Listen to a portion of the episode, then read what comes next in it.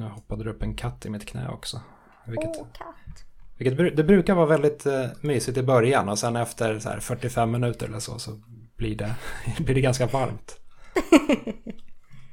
du lyssnar på tredje gången gilt och jag har fått besök av Anna Erlandsson. Hej hej! Hallå! Uh, vi snackade lite här alldeles innan, innan vi faktiskt tryckte på rekordknappen att jag vad jag minns så har vi inte riktigt snackat med varandra tidigare. Men, men man, har alltid, man har alltid sett dig i, i flödet. Det sociala flödet.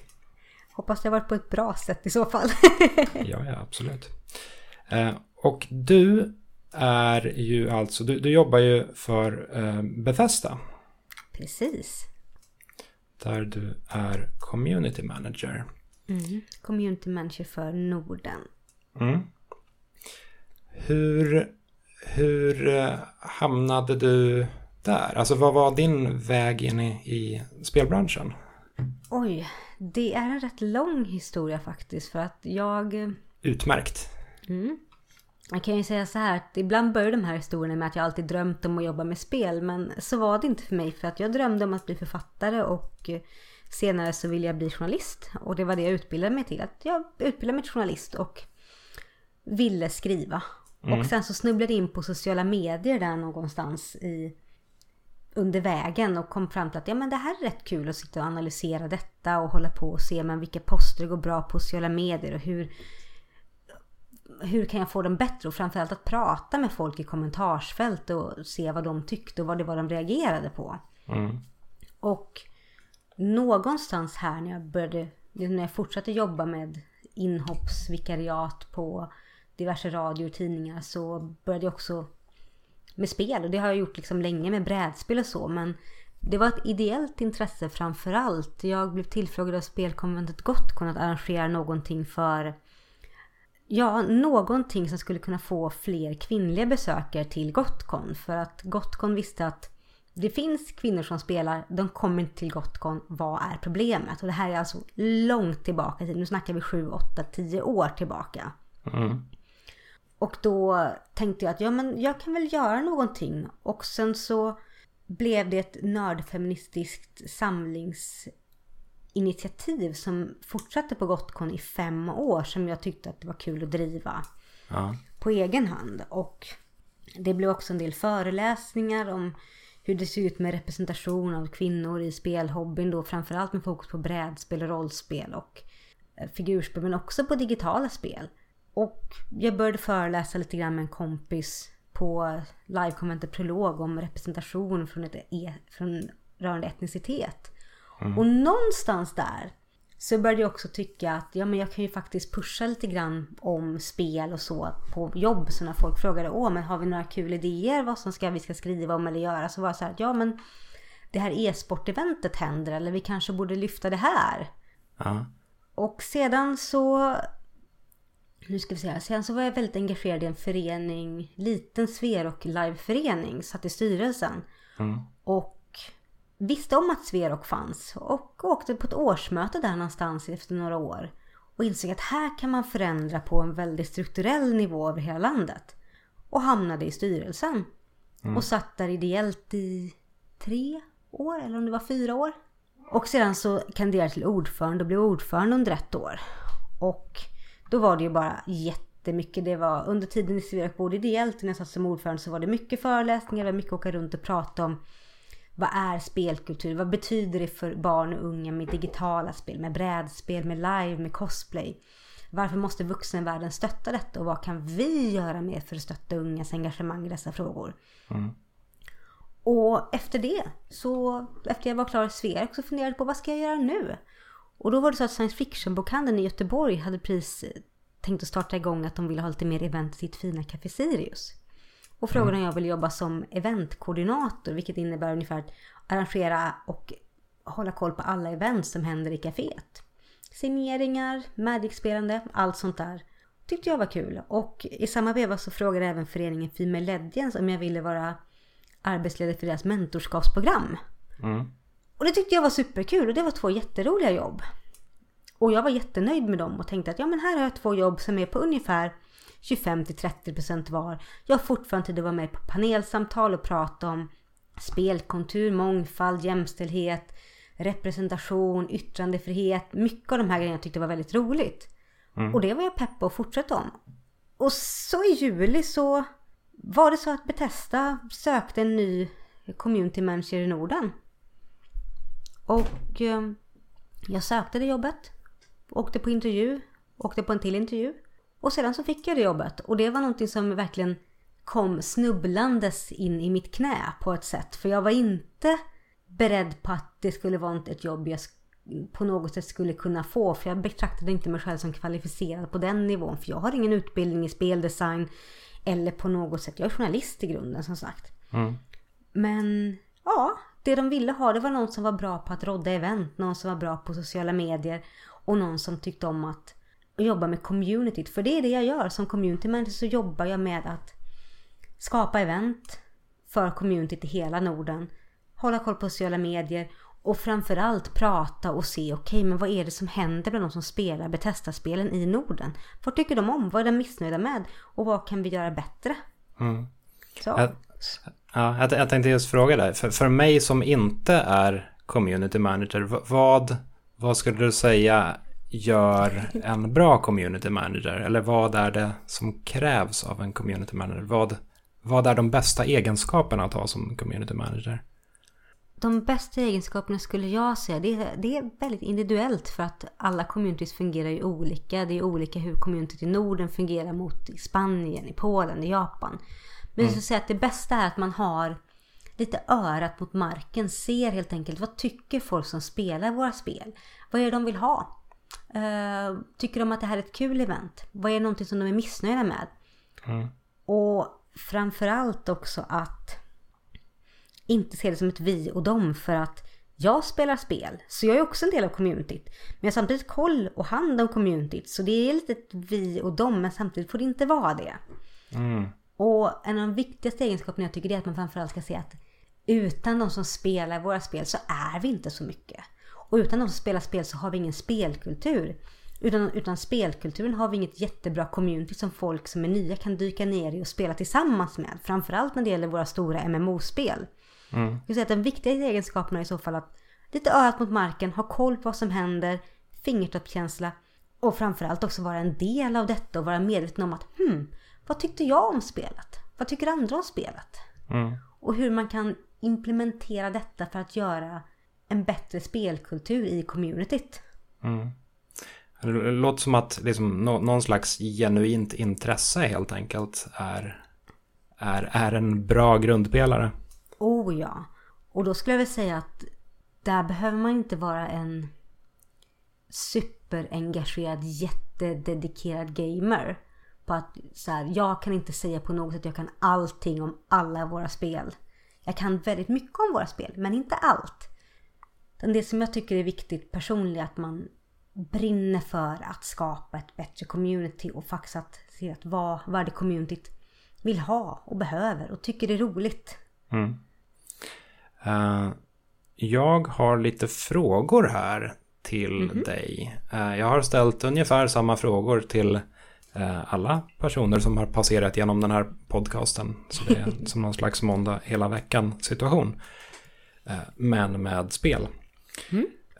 Och tänkte testa det som sagt. Och då börjar vi helt enkelt i början. Vilket är ditt första spelminne? Oh, ja. Det kommer jag ihåg rätt väl. Jag hade, mm. eller jag har en kusin som var väldigt spelintresserad och fortfarande är det. Och han bodde granne med mig. Mm. Så mitt första spelminne är att jag springer ner till honom för att sitta bredvid när han sitter och spelar. Och jag tror att det första spelet han spelade, det måste varit Super Mario på Nintendo. Mm. Men det allra starkaste spelminnet, som jag verkligen kommer ihåg, det är att sittandes i hans rum på golvet framför den här lilla, lilla tvn och han spelar Super Mario World på Super Nintendo.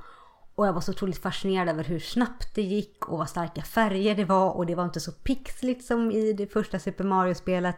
Mm. Och vi satt där i timmar och jag spelade inte för att det kunde jag inte göra för att det var hans spel och ja, jag visste inte om jag kunde spela. Men att sitta där med honom bara timma för timma. Och heja på och bara känna att tiden försvinner och att det är här vi bara gör tillsammans. Mm. Men det finns ju någonting som är väldigt mysigt med att, att, att sitta och betrakta ett spel. Jag, jag tycker också mm. att, vad ska man säga, baksätesspela är rätt schysst. Oh ja, och det tycker jag fortfarande är en av de mest rogivande aktiviteterna för mig. Efter riktigt långa dagar eller bara när jag är på konvent och sitter och tittar på när andra spelar. Ja.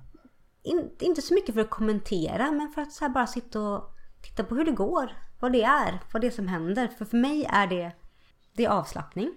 Det är jättekul för jag kan vara en del av spelet även när jag känner mig supertrött och mina händer bara verkar så jag inte kan spela det så här. Jag kan ändå sitta och titta på det. Mm. Det, är liksom, det är lite grann som att sitta, titta, sitta, sitta och titta på en film. Ja. Jag sitter gärna och käkar chips och tittar på när någon spelar. Det är superroligt. Men också väldigt ankrar an till det här barndomsminnet av att jag och min kusin sitter och spelar och här var jag så fullkomligt nöjd och trygg. Mm. Vilket är ditt bästa spel menar du? Hmm. Eller ett av dem åtminstone. jag tror... Um, hmm. Det första som dyker upp det är när min mamma och pappa köpte en Nintendo 64. Mm. För det var stort för mig. För det var den första spelkontrollen, eller spelkonsolen som vi hade hemma. Mm.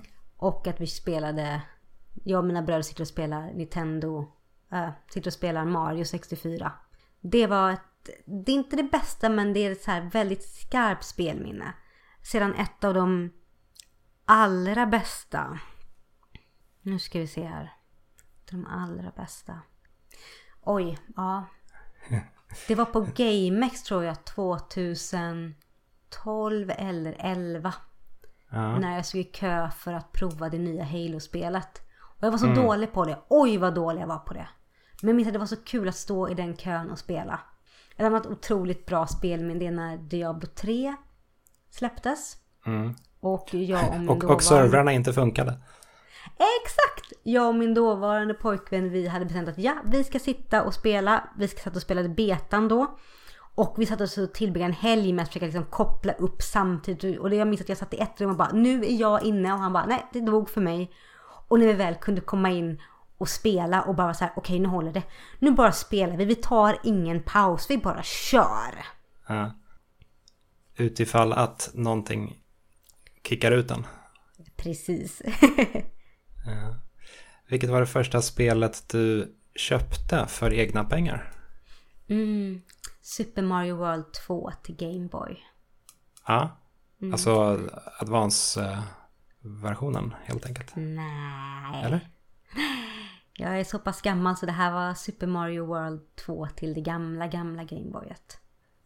Ja, svartvita, Six eh, Golden Coins. Precis. För att det var en av, min, en av mina bästa kompisar som hade med sig till skolan och fick provspela det. Och jag blev så otroligt såld på det. Framförallt för att jag tyckte om Super Mario World 1. Men jag blev så trött på det att spela det. För att varenda gång man spelade på rasten skulle man sluta, kunde inte spara, allting försvann. Jag var tvungen att börja om. Så när jag verkligen fick egna pengar och liksom samlade ihop så var det så här, ja, ett Gameboy. Och jag minns jag stod där, jag bara, jag ska ha ett Gameboy och jag ska ha Super Mario World 2. Det är spelet jag ska ha. Mm. Mm. Jag tog bussen in själv från, från hemmet, åkte in till stan, gick hopplöst vilse innan jag hittade till spelbutiken och kunde köpa det. Ja. Uh, det, det är en fantastisk, ett fantastiskt hopp också mellan det första uh, Super Mario Land och det andra. Uh, ja, gud ja. Det första är ju extremt ja, skulle, ja, de har ju samma upplösning egentligen, men det är extremt utzoomat. Mario består ju bara av 4-5 pixlar, medan det mm. andra spelet är kind of en svartvit version av Super Nintendo. Eh, ja, estetiken. jag minns det när jag spelar om det ibland. Det var några år sedan, men jag minns att det blev så här, oj, det här är faktiskt, det är snyggt, det är bra. Mm. Det är, bossarna ser inte ut som en samling pixlar utan de är faktiskt snygga och har olika mekaniker. Mm. Ja, precis. Där kan man ändå snacka om någon sorts pixel art, vilket man mm. kanske inte riktigt kan göra med första. Nej. eh, vilket spel har du lagt ner mest tid på? Om du får gissa. Mm. Om vi plockar bort MMO-spelen, för de känner jag inte riktigt räknas. Okej, okay, det är fusk. Ja, MMO kan jag planera så otroligt mycket tid på, herregud. Och det är på otroligt fåniga saker också, men spel jag har lagt ner allra mest tid på någonsin. Hmm. Ja, tog jag bort MMO-spelen blev det ju lite svårt. Du får plocka in MMO-spelen igen. Vi kan säga ja. så här, vilket är ditt uh, preferred poison där? Oj, alltså jag är ju sjukt partisk. Jag spelar ESO, jag spelar Fallout 76. Väldigt ja. sparsam med Fallout 76. Just för att nu börjar det bli mörkt och då är jag väldigt rädd för zombies. Jätterädd för zombies och ghouls är lite läskiga så att det kan jag bara spela det ljust ute. Men annars så dyker jag ner i ESO. Så det är fantastiskt kul. Neverwinter spelade jag som en galning för några år sedan tillsammans med min dåvarande. Vi spelade så sjukt mycket så det var inte ens roligt hur mycket vi spelade. Mm. Och överlag så älskar jag väl de stora världsspelen. Så jag skulle säga att ja, ja jag tror att i dagsläget det spel jag lagt ner mest tid på är nog Neverwinter just för att det körde vi nästan varannan var tredje kväll. Då när det begav sig under två år. Ja. Så i övrigt tror jag att spel jag lagt ner allra mest tid på för att försöka lösa och fixa med är nog något av Halo-spelen tror jag nästan. Ja när jag spelade på den svåraste nivån och var så otroligt envis och skulle klara allting och jag dog och jag dog igen och jag dog igen för det var svåraste nivån jag kunde inte hantera det. Ja.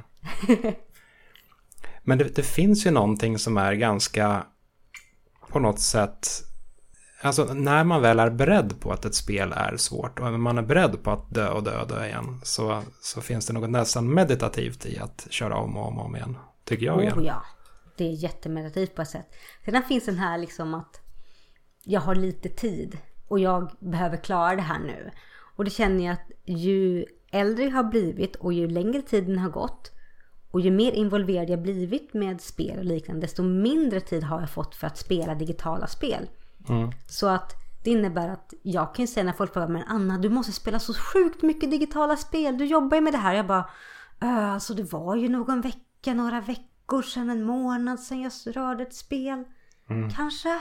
Mm. Äh, för att jag hinner inte. Jag, mm. jag har inte tid. Och när jag är ledig då, förutom i pandemin, så vill jag umgås med mina vänner. Och sen spelar vi ju en hel del online. Men det är också en sån grej som att jag spelar inte så mycket som man skulle tro att jag, ska, att jag gör. För att Nej. jag jobbar med det här och då, då hinner man inte så mycket. Ja, det, det är ju den här klassiska kommentaren så här, jaha, du får betalt för att spela tv-spel du. Det... Ja, det är det som folk tror att man, att man sitter och spelar tv-spel och datorspel hela dagarna. Men så är det icke. Det kan jag säga. Tyvärr inte. Nej. Vilken är din favoritkonsol? Eller favoritmaskin för den delen? PC mm. kvalificeras om man vill. Då säger jag PC. Då blev det PC. Ja, men då får jag säga att det, det kom rätt sent för att jag var en väldigt dedikerad konsolspelare i väldigt många år. Och då var det, det var Super Nintendo, Nintendo 64, Xbox 360, det var lite Wii. Just för att jag kände att ja, men jag vill sitta i soffan och ha, och ha liksom min, min kontroll i händerna och spela. Mm. Men sedan, allt eftersom jag gick liksom mer mot större spel och framförallt också när jag började spela Neverwinter Diablo blev det så här, ja men PC är rätt kul. Och nu så kör jag det mesta på PC för att det är så mycket enklare. Mm. Skulle du säga att ditt jobb på något sätt har påverkat den här förskjutningen? Nej, det har nog varit väldigt mycket dels lathet och dels en, en kraftig pankhet i att jag behöver uppdatera mina spelkonsoler ja. till nya. Och det har jag inte riktigt ha, känt att jag vill lägga pengar på. Men jag har en väldigt bra gaming-PC. Ja. Så då har det varit så här, hmm, antingen så kan jag köpa det här spelet på konsol. Men då måste jag köpa en ny konsol. Eller så köper jag det till PC och det klarar faktiskt min PC av. Okej, det blir PC. Ja. Mm. Så du, du har för tillfället inget jättestort sug efter Playstation 5 eller Xbox Series X? Alltså, det skulle jag ju ljuga om jag sa att jag inte hade sug efter. Jag hade väldigt gärna velat ha ett PS5. Jag hade jättegärna velat ha ett Xbox Series X. Jag sitter och sneglar väldigt mycket på om jag ska falla till föga och tusen efter alla andra köpa ett Switch. Bara för att jag vill ha Mario 64 igen. Som Ja, mitt gamla spel till Nintendo 64 nu har bara gått sönder och kraschat. Så det är så här, "Ha, då måste jag ha ett nytt. Då kan jag lika gärna köpa ett Switch. Ja, Och få alla de Mario-spelen tillsammans. ja. Så att jag skulle ju ljuga med så att jag inte sitter och sneglar på det. Men det är också så här, oh, mm, ah, det är mycket pengar då. Åh, oh, ah, så, mm, mm, ah. Det, det är ganska lätt att svepas med i den här hypen också. För ett par månader sedan så var jag, var jag själv inte alls speciellt nyfiken eller sugen på Playstation 5 eller Xbox, nya Xbox. Men nu när, alltså, när folk har börjat komma ut med uttryck och man, man märker på i, i flödena att folk sitter och spelar ja, men typ Assassin's Creed och vad det är, Ja. Spiderman. Eh, jag känner på något sätt att jag vill vara en del av det där och det, bara den känslan av att jag vill, jag vill vara med i gemenskapen är på sätt och vis nästan starkare än min, min vilja att faktiskt spela spelen. Oh ja, jag håller med helt och hållet. Det är verkligen här att man sitter och är så här, men jag vill också ha ett PS5 för jag vill också vara med i den coola klubben. Och, det, och jag vill också klart, jag vill ha alla spelen också. Men framförallt för att jag vill se, jag, framförallt precis som du säger, jag vill vara en del av klubben och jag vill se vad det är som är den stora skillnaden. Ja. Det, det är ju egentligen kanske inte, inte det bästa sättet att tänka på. Man borde ju försöka snarare fokusera på det som, det, det som man har och det som man tycker är kul snarare än det man inte har. Alltså, jag är ju en, jag är en hopplös hoarder med allting. Jag är så här, oh det är shiny, det är ett spel, jag köper det, vad kul, jättebra. Jag menar jag spelar ju, jag spelar ju brädspel och jag spelar Magic the Gathering och liksom bara med Magic the Gathering var det ju kört. Det är ju bara liksom att ja, jag hårdar alla kort jag har. Brädspel, jag bara ja, alla spelen. Jag ser nya böcker, jag bara ja, ska alla böckerna. Så att jag har ju bara gett upp det här. Jag är bara så här, ja, om jag någon kommer börja öppna den här dörren med att köpa nya konsoler så kommer det ju vara kört. Mm. Vad eh, spelar du just nu? ESO. Såklart. Fallout 76. Eh, Breath of the Wild, tusen efter all, alla andra. Har jag äntligen haft tid och ork att sätta mig och bara njuta av att dyka in i det. Och ska ge mig in i Assassin's Creed Valhalla. Mm. Det är ändå ganska, ganska många stora öppna världar där. Men man får ändå tänka på att till exempel jag, jag hoppar in i ESO och är så här, ja men vad ska jag spela idag? Ja men jag gör lite grann på den här storylinen. Jag hänger lite grann i mitt hus och möblerar. Jag går och farmar lite noder. Fallout 76, där är jag just inne på att ja, jag spelar med min partner. Okej, måste levla upp, måste fixa grejer. Vi ska hitta det perfekta stället för vårt camp så vi kan ha det för vi är hopplöst överbelamrade av grejer just nu så vi springer så långsamt. Breath of the Wild är med att jag bara okej, vad kul, vad roligt. Jag springer runt, jag vill hitta alla saker. Jag vill hitta alla små decusids och jag vill göra allting grejer. Och Assassin's Creed Valhalla är bara för att det är så här, det är vikingar. Det, det går inte att inte haka på detta just nu. Ja.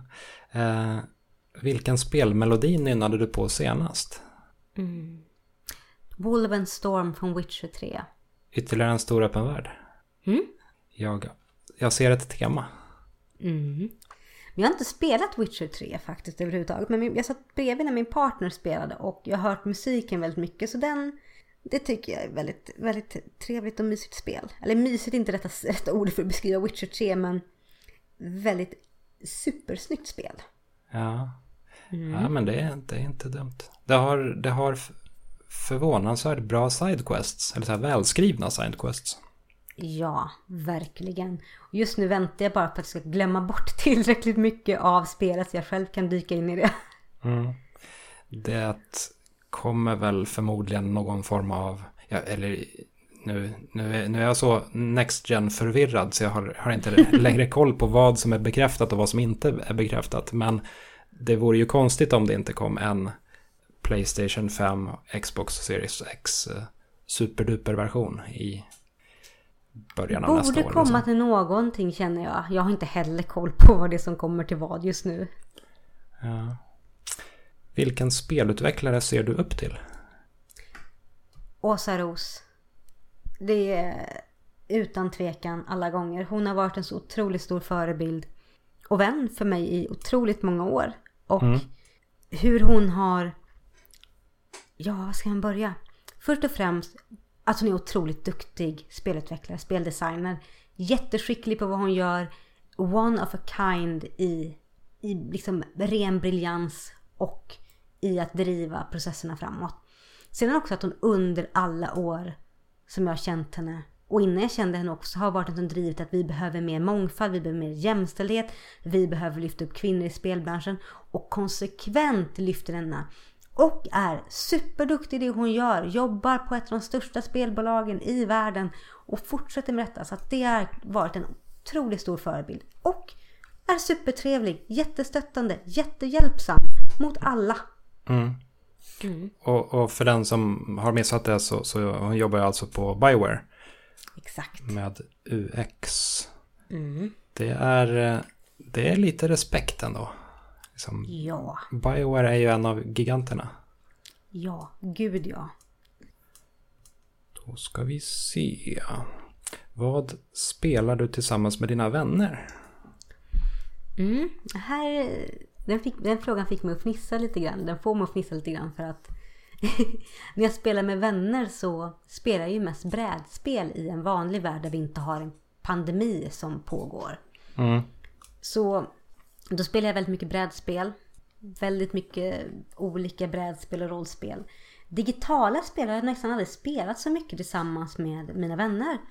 Och right. Så av någon konstig anledning. Just för att jag har mest hängt, mina vänner och jag, vi är brädspelare. Vi är lajvare, vi är rollspelare från början. Så när vi har spelat och ska se så bara, men då kör vi brädspel. Eller rollspel.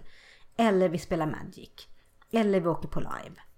Så det jag spelar tillsammans med mina vänner, det kan säga att ja, det är inte jättemycket.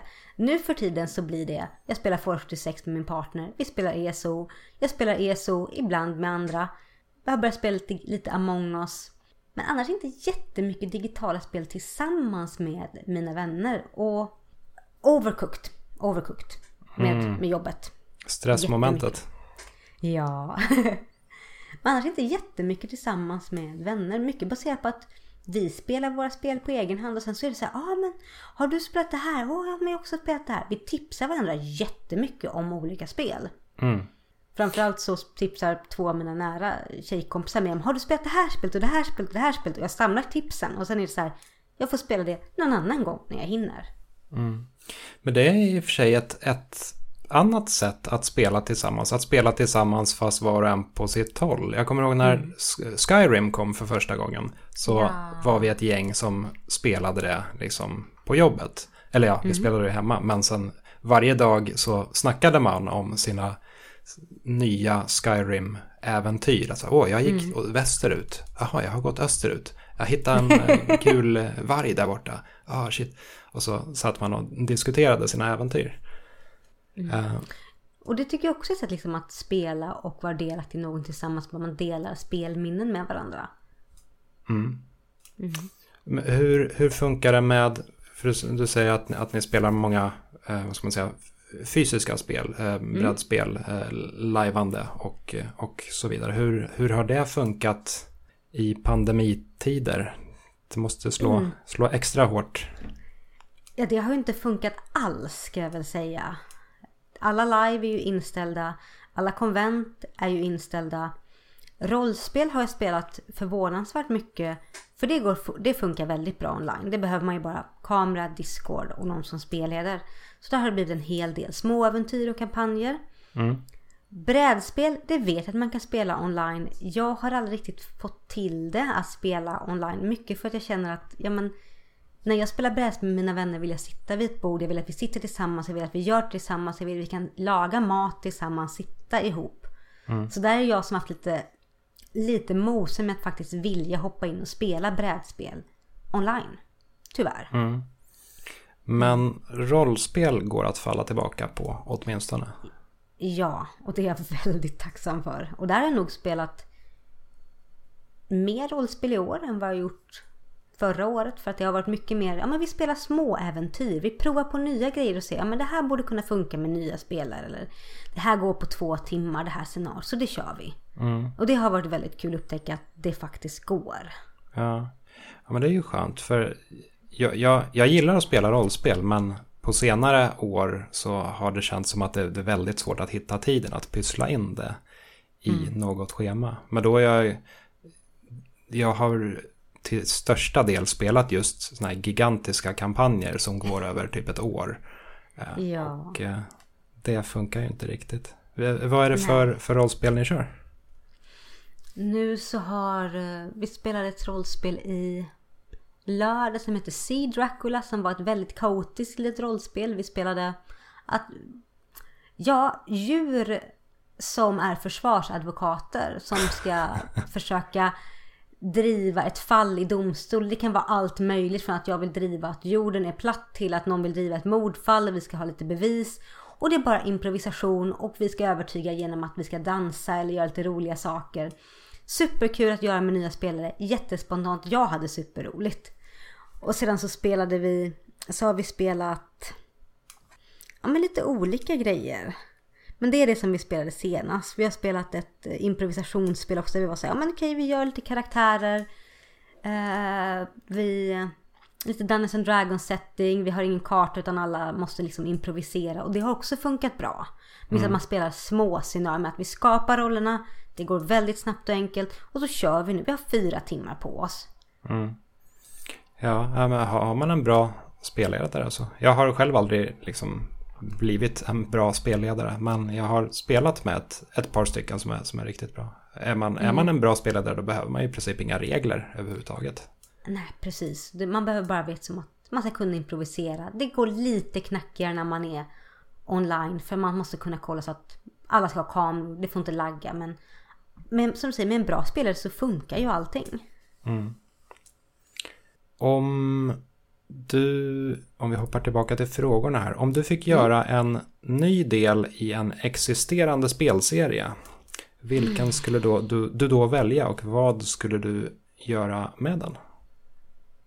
Oj vad svårt.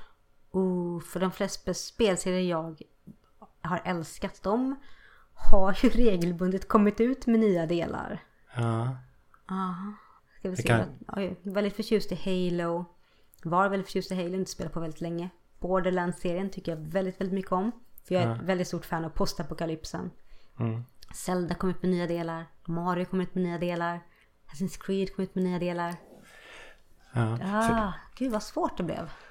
Om man justerar då. Och, mm. och finns det någonting du skulle vilja ändra i någon av dina favoritserier? Hmm ja, det är ju den, min, min lilla pet peeve mot Zelda-serien är att jag hade väl önskat att någon gång så skulle jag vilja spela Zelda. Ja. Eller har valt att spela Zelda istället för Link. Ja. Jag älskar hur de faktiskt har genom Zelda-serierna kunnat ha liksom att ja men det är återfödsel, det är nya vinklar på det så det känns, varje Zelda-spel jag dyker in i känns som ett nytt spel. Men att det alltid är Link, att det alltid är den vinkeln. Jag skulle vilja prova att spela Zelda någon gång i ett större open world mm. spel. Det hade ju fungerat egentligen i de flesta Zelda-spelen med tanke på att Link är ju något av en tom bok. Han, han har ju inte jättemycket till personlighet. Nej. Uh, och i och med att både Zelda och Link är en del av Triforce så hade det ju funkat alldeles utmärkt. De har ju sina delar att spela. Uh. Så att det hade, det hade gått att göra på väldigt många sätt så här att åh, Link skulle vaknat, det gör han inte. Zelda, nu, nu får du göra det här istället. Ja. Eh, man skulle helt enkelt, om man tar senaste då, Breath of the Wild som exempel. Om man mm. helt enkelt då hade haft ett val i början. Vill du spela som Link eller Zelda? Och den man inte väljer blir istället då personen som sitter inspärrad i slottet och, och håller Calamity Ganon under kontroll. Ja, och det hade funkat jättebra. Och det hade funkat jättebra med minnen också. För alla minnen som man går igenom i spelet är ju liksom länkar till att de två tillsammans har gjort saker genom historien hundra år tidigare. Eller om det mm. var tusen år tidigare. Så det hade ju funkat alldeles utmärkt. Och mm. det, det hade jag velat se för att Breath of the Wild är så bra och Zelda-spelen är så bra och jag tycker om dem. Men det hade varit så kul om man ändrade på det. För att det hade gett lite mer, ja men en ny vinkel. Mm. Sådär. Ja. Och Nintendo är ju liksom inne och snuddar på det ibland. Zelda mm. är, spelbar i Smash Bros-serien. Hon är spelbar ja. i de här Hyrule Warriors-spelen. Nu uh, Age of Calamity mm. senast. Det bara det att i själva huvudserien så av någon anledning så... Ja, och jag vill lite att det ska stanna vid det att det inte blir någonting mer. Jag hade velat ha... Jag hade velat ha det hela vägen. Ja, verkligen. Mm. Breath of the Wild 2. Vi, vi kan fortfarande hoppas. Ja, oh, gud ja. Åh, oh, får vi hoppas. Vilket spel, om något, är ditt guilty pleasure? Mm. Jag säger Elder Scrolls Online. Med mm. det lilla tillfället att jag kan lägga timmar på att fixa mitt hus i Elder Scrolls Online. Mm. Det är det är nog mitt absoluta guilty pleasure att så här, jag kan sitta i två, tre timmar och bara ja men nu ska jag, jag ska möblera min trädgård. Jag ska fixa min trädgård. Och bara att gå runt och bara, åh men ha, ska den här blomman vara här? Ska det här vara där? Hur ska mina pets gå runt? Ska den gå den här vägen eller inte? Ska speldosan stå här? Och, åh, vi måste ha lite mat i trädgården. Och det är lite grann mitt guilty pleasure att bara dyka in där och möblera i flera timmar. Och folk bara, åh Anna, vi ser att du är online. Ska du hoppa in på en raid? Jag bara, för jag måste ju faktiskt fixa min soffa. jag är ledsen men jag måste fixa min soffa i mitt hus. Och folk bara, okej, okay, vi förstår. Och det är lite mitt guilty pleasure när jag liksom känner att ja, men jag behöver lite avslappning. Och jag hoppar in, spelat ESO och sen bara, äh, jag åker till mitt hus och fixar lite grann. Bara inreder mitt sovrum. Mm. Ja men det blir ju lite som, antar jag, samma avslappnade känsla som att eh, sortera ett, eh, ett förråd. Eller så här, rensa saker och plocka bort saker ur en bokhylla, slänga lite saker. Eller organisera. Ja, precis. Ja men det är som när jag känner att jag vill verkligen ha ett konstigt guilty pleasure som sträcker sig för flera veckor. Det är när jag kommer på att Åh oh just det, jag måste sortera alla mina Magic-kort efter färg och bygga nya lekar. För det kan jag bli sittande med. Då bara, ja då lägger jag upp det. Nu måste allting sorteras och jag måste bygga om mina lekar och se vad det är som funkar och inte funkar. Och det är också ett väldigt meditativt guilty pleasure. Hur många Magic-kort har du? Um, För några, många. Sko, några skokartonger. Jag har väl i alla fall en 10-15 lekar. Plus ja. en skokartong med sorterade kort. Plus en skokartong med osorterade kort. Plus, oj, uh, massa baslekar. Det är väldigt mycket. Jag kan säga att jag har nog i alla fall över en 15 kilo Magic-kort. det är en bra Så. enhet att mäta dem i. Ja, det är, bara för att jag, det är bara för att jag vägde, när jag packade och flyttade för några år sedan så vägde jag lådan som Magic-korten låg i. Då minns jag att det var 15 kilo. Och all, alla dessa kort är för tillfället under corona-lockdown och går inte att använda därmed. Ja, det är synd. Vilket spel har fått dig att slänga handkontrollen eller tangentbordet i väggen? Mm. Mm. Alltså, när jag började spela om Donkey Kong till Super Nintendo. Jag köpte det för flera år sedan igen och tyckte att ja, det här är jättekul, det ska jag spela om. Mm. Sparfunktionen. Herregud vad irriterad jag blev. Jag bara, jag dog och dog och sen bara, nu är det game over, jag får börja om. Jag bara, ursäkta. Mm. Ursäkta? Hur klarade jag av att ha tålamod med det här när jag var 10-11 år? Hur? Och då bara rageade det spelet. Jag bara, nej, jag gör inte det här, jag orkar inte, jag pallar inte, det blir ingenting mer. Sedan också nu ska vi se. Vad var det? Jo, men det var någon... Åh. Det var något som fick mig att verkligen bara rage-quitta. Det var nog... Jo, men det var nog... det var nog när jag spelade Doom Eternal första gången. Ja. Och... Eh, jag klarade inte av att hoppa. jag klarade inte av att hoppa och grabba tag i väggen. För att jag, jag, jag missade hur den tutorialen gick till. Det här var den första gången jag spelade. Och jag försökte och försökte. Jag bara, men jag gör ju rätt. Jag gör ju rätt. Nej, jag lyckas inte. Jag lyckas inte. Och jag blev så trött så jag bara så här, nej, det blir ingenting mer. Jag orkar inte. Fick jag liksom bara så här, bara flippa nästan tangentbord. Sen gick jag iväg och så bara så här, okej. Okay, jag måste ändå spela klart det här för det hör faktiskt till jobbet och det är ett bra spel. Gick tillbaka, bara så här, okej. Okay, vad säger tutorialen? Ah, jag måste göra det här först. Okej. Okay. Och sen gick det bra, men där var det verkligen så här, jag bara kände på att här. Mm, mm. Hur är det det funkar nu? Man måste trycka på en knapp för att grabba tag i väggen? Ja. Eh, hopp, trycka knapp, grabba tag, bo, alltså borra in. Eftersom det är Doomslayer, borra in händerna i väggen och klättra. Mm. Och jag, när jag började spela så tryckte jag oftast så tryckte jag samtidigt. Och då funkar det inte alls. Mm. Vilket spel har fått dig att gråta? Halo Reach. Mm. Halo Reach på slutscenen. Jag grät som ett barn. Och Borderlands 2 i mitten av spelet. Då grät jag också. Men jag har inte gråtit så många spel. Det har varit de som verkligen varit så här. Det här var jobbigt. Jätte, jättejobbigt. Mm. Jag blir alltid, alltså de gångerna det händer att man gråter av ett spel så blir jag, jag, jag blir lite på något sätt stolt över spelmediet på något sätt. Att så här, det är häftigt att spel ändå kan förmedla så här pass mycket. Och det är lite synd att det inte händer oftare. Oh ja. Och jag tror att för min egen del, just varför jag inte gråter så mycket i spel idag, är för att inte så att man blivit äldre eller mer luttrad. Men kanske lite. Jag kan bli, jag kan bli väldigt gripen av spel. Jag blir mm. jättegripen när jag liksom när jag står i Electrons online och bara det här är så vackert, det här är fantastiskt. Då kan jag verkligen känna att det här, det är, det är storslaget ögonblick. Jag kan känna en stolthet när jag har gjort någonting jättemäktigt och maffigt i ett spel. Jag kan känna en otrolig frustration när jag misslyckas med någonting. Men just den här, nu gråter jag bara helt kompromisslöst som ett barn. Det har inte varit många spel som har liksom lyckats med. Och både Halo Reach och Borderlands 2, det var rätt länge sedan. Så att jag tror att sedan dess så mm. in, det har det inte hänt. Och då har jag ändå blivit väldigt gripen och tagen av spel och spelar om dem. Men inte på gråtstadiet. Mm. Hmm. Intressant. För mig så tror jag nästan att det gått, har gått åt andra hållet. Att jag mm -hmm.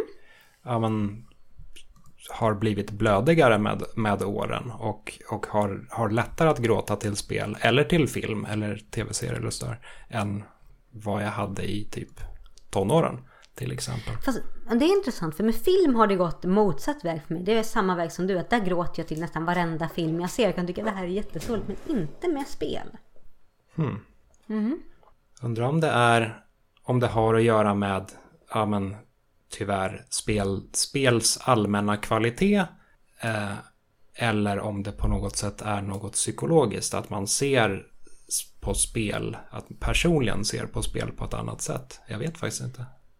Jag tror mycket att det är eh, för mig att när jag ser en film så är det som att jag blir medtagen. Jag, jag, jag sitter lite passivt och tittar på en resa. Ja. Och då är det lättare för mig att öppna upp att, åh men här känner jag, här, det är lättare för mig att öppna upp att nu känner jag sorg och relaterar till karaktären på ett sätt som gör att jag börjar gråta. När jag spelar spel, det är så involverad i resan så att Även om jag tycker det här är supersorgligt, det är bara så här, men jag måste fortsätta. Jag måste, jag måste pressa på för det här är jätteviktigt. Mm. Efteråt kan jag sitta och känna att jag bara, nu är jag så tom. Jag är tom och känner mig lite sorgsen. Mm. Men i och med att jag är så inne i det här och också den här, jag måste kämpa på. Så gråter jag inte för jag vet att jag, jag, jag måste fortsätta lite till. Mm. Jo men precis. En, en film eller en serie där kan man ju verkligen vara full, fullständigt passiv och bara glida med. Men i spel så måste man ändå avsätta någon del av hjärnan till att uh, interagera också. Att uh, faktiskt spela spelet. Ja men precis. Kanske, kanske är någonting där. Mm. Vilken spelvärld skulle du vilja flytta in i? Ja, jag är partisk. Jag skulle nog säga Tamriel. För att varenda gång jag dyker in i Tamriel i Älskans online så hittar jag nya saker. Och jag blir jättekär i alla områden jag åker till. Nästan alla områden jag åker till. Och bara så här, men här vill jag bo. Och här vill jag bo. Och här vill jag bo. Och här vill jag göra. Och den eller ja, Skyrim ligger ju liksom i samma värld så det är så här Tamriel eller Western Skyrim. Jag tar allting mm. riktigt. Och det är för att jag tycker att den är jag tycker den är så fantastiskt fin. Den är vacker, den är storslagen, den är sorglig, den är den har en historia och jag tycker om de olika folken som bor där. Jag älskar Khajiits, Aragonians, Bretons, Nords. Jag, jag, tycker det är en fantastisk värld med Tamriel. Mm.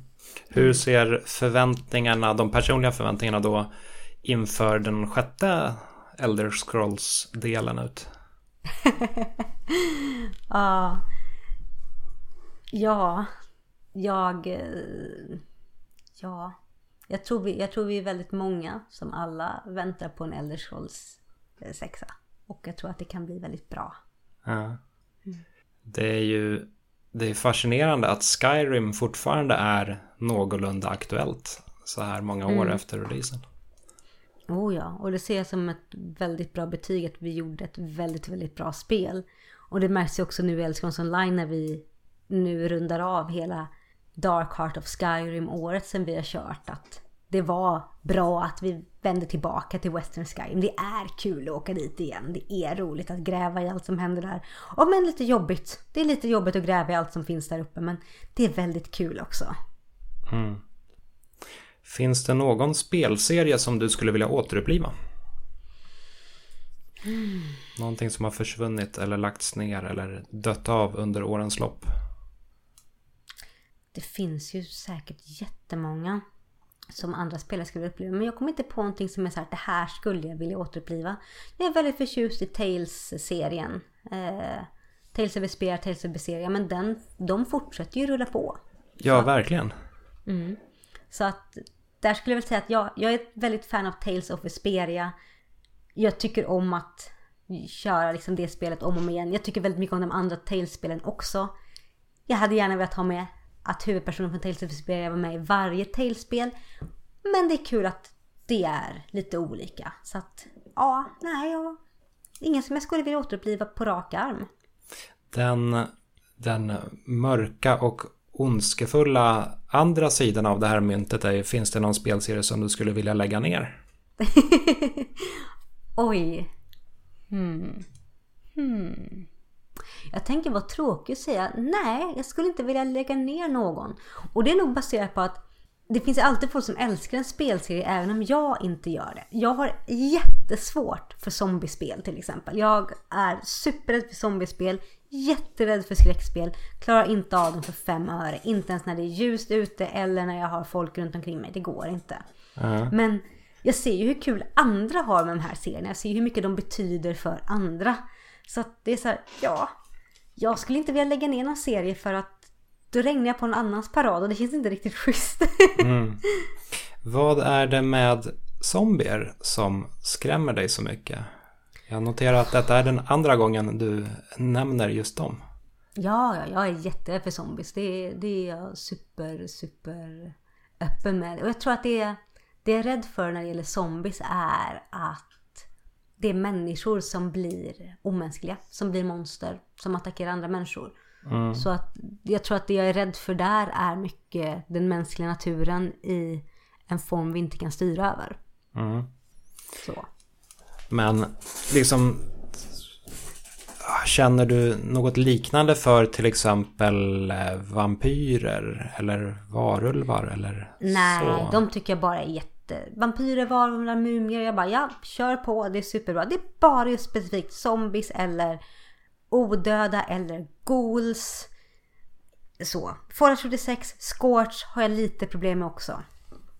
Och det går inte riktigt att veta vart, jag drar, vart den gränsen går. Det är lite grann från fall till fall. Det kanske är någonting då med att zombier hamnar lite närmare människor för att man inte riktigt förknippar dem med några direkta superkrafter medan man kanske kan, kan säga att vampyrer har sådana ibland. Ja, ja men jag tror det är definitivt så. Samma sak med varulvar, med mumier. Det är så här, ja, nej, det...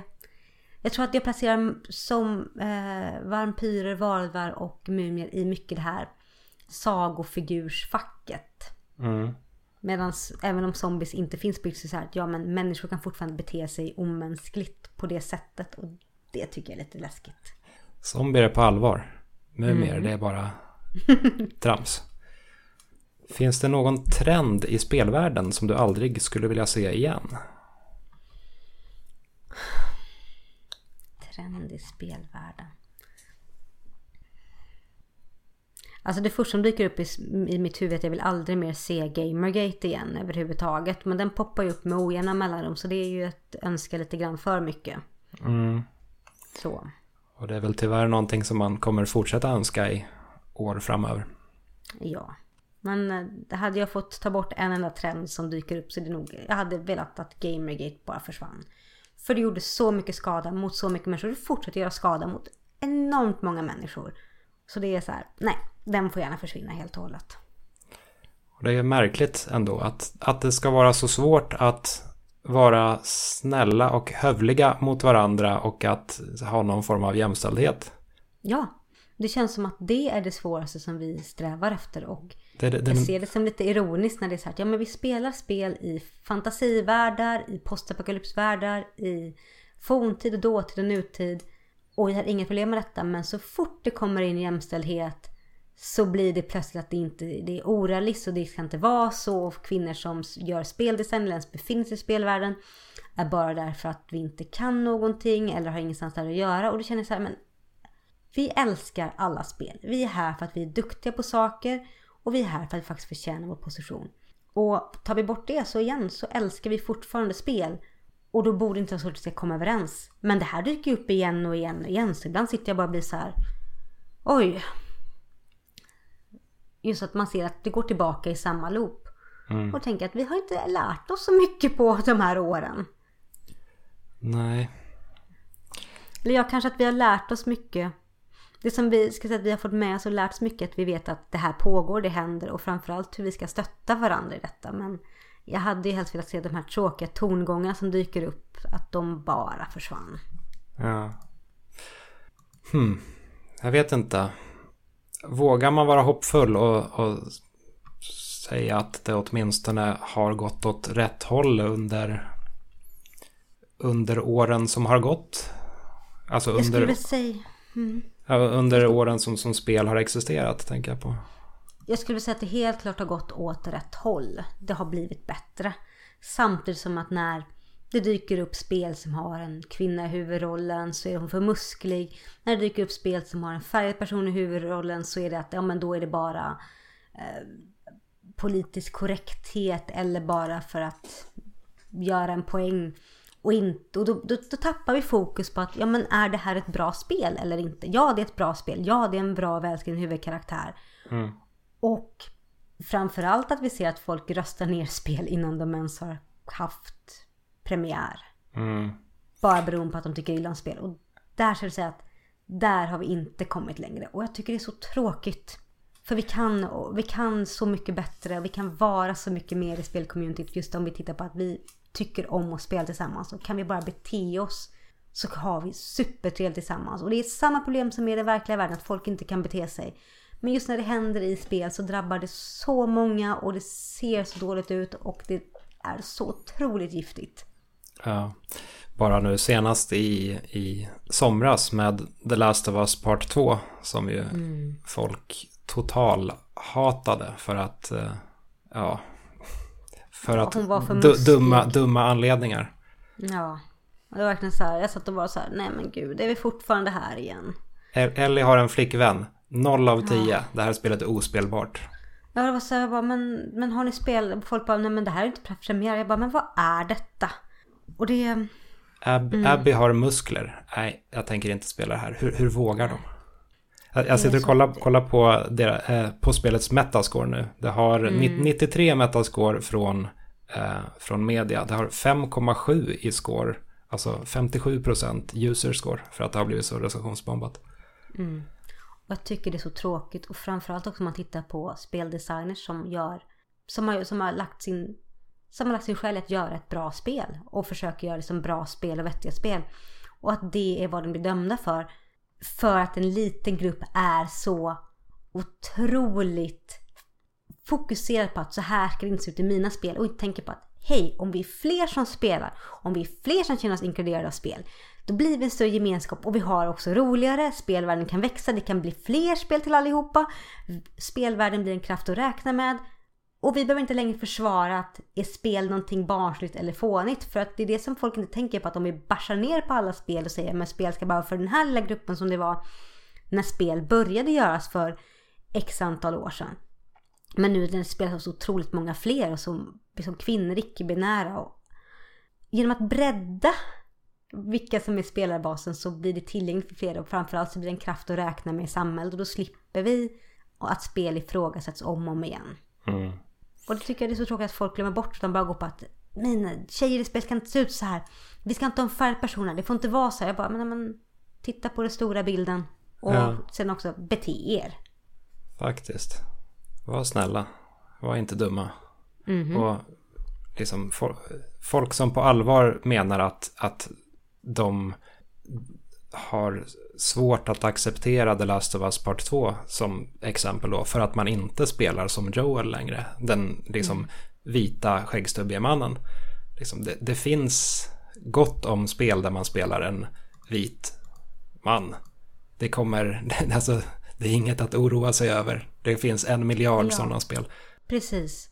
Också sam, jag tycker också så tråkigt att samma folk som är så här, ja men jag vill inte spela en kvinna, jag, och liksom är så här, varför vill kvinnor ha en kvinnlig karaktär? För mig spelar det ingen roll vad jag spelar. Jag bara, nej men uppenbarligen gör det ju det eftersom ni, inte, eftersom ni bojkottar spel där ni inte kan spela män. Mm. Och då är det lite grann, vad kom först hönan och ägget för folk? Jag tycker det är så tråkigt. Mm. Tråkigt och dumt i hela huvudet. Mm. Mm. Om, vi, om vi istället avslutar på ett lite trevligare sätt. Mm. Vilket spel skulle du ta med dig till en öde ö? Vänta ett tag, det här blev inte alls så mycket trevligare. Det blev en öde ö, det kanske är potentiellt jättedeppigt. Eh, men frågan kvarstår. Mm. Ett spel på jag, en öde ö jag skulle ta med mig mm, Jag skulle ta med mig Skyrim. Mm. Just för att även om ön var jättehemsk och jättejobbig så skulle jag ha tillräckligt mycket att göra i Skyrim för att jag skulle känna att ja, men varje dag skulle ändå bli ett väldigt kul, om än ibland lite jobbigt äventyr. Mm.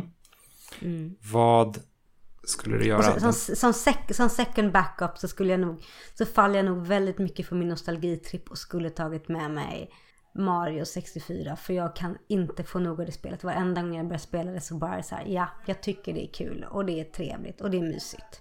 Ja. Ja, vem vet, om du tar Switch-versionen då kan du ju till och med fula dig lite med reglerna där och, och ta den här samlingen där du även får med Mario Galaxy och Mario Sunshine. Mm -hmm. Tre spel till priset av ett. så. Då så. Tack så mycket för att du ville vara med och snacka lite spel med mig. Tack så mycket för att jag fick vara med. Det var jättetrevligt. Ja. Var någonstans hittar man dig? Uh, om man vill uh, lämna en kommentar eller sådär på internet.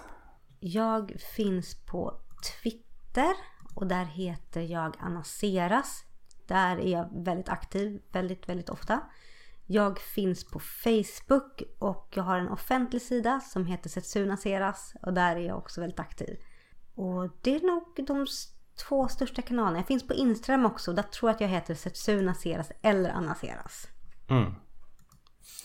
Och den här podden finns på Instagram som tredje gangen podd och jag finns på Twitter som Viktor underscore Så som sagt, tack så jättemycket. Ja, tack så mycket själv.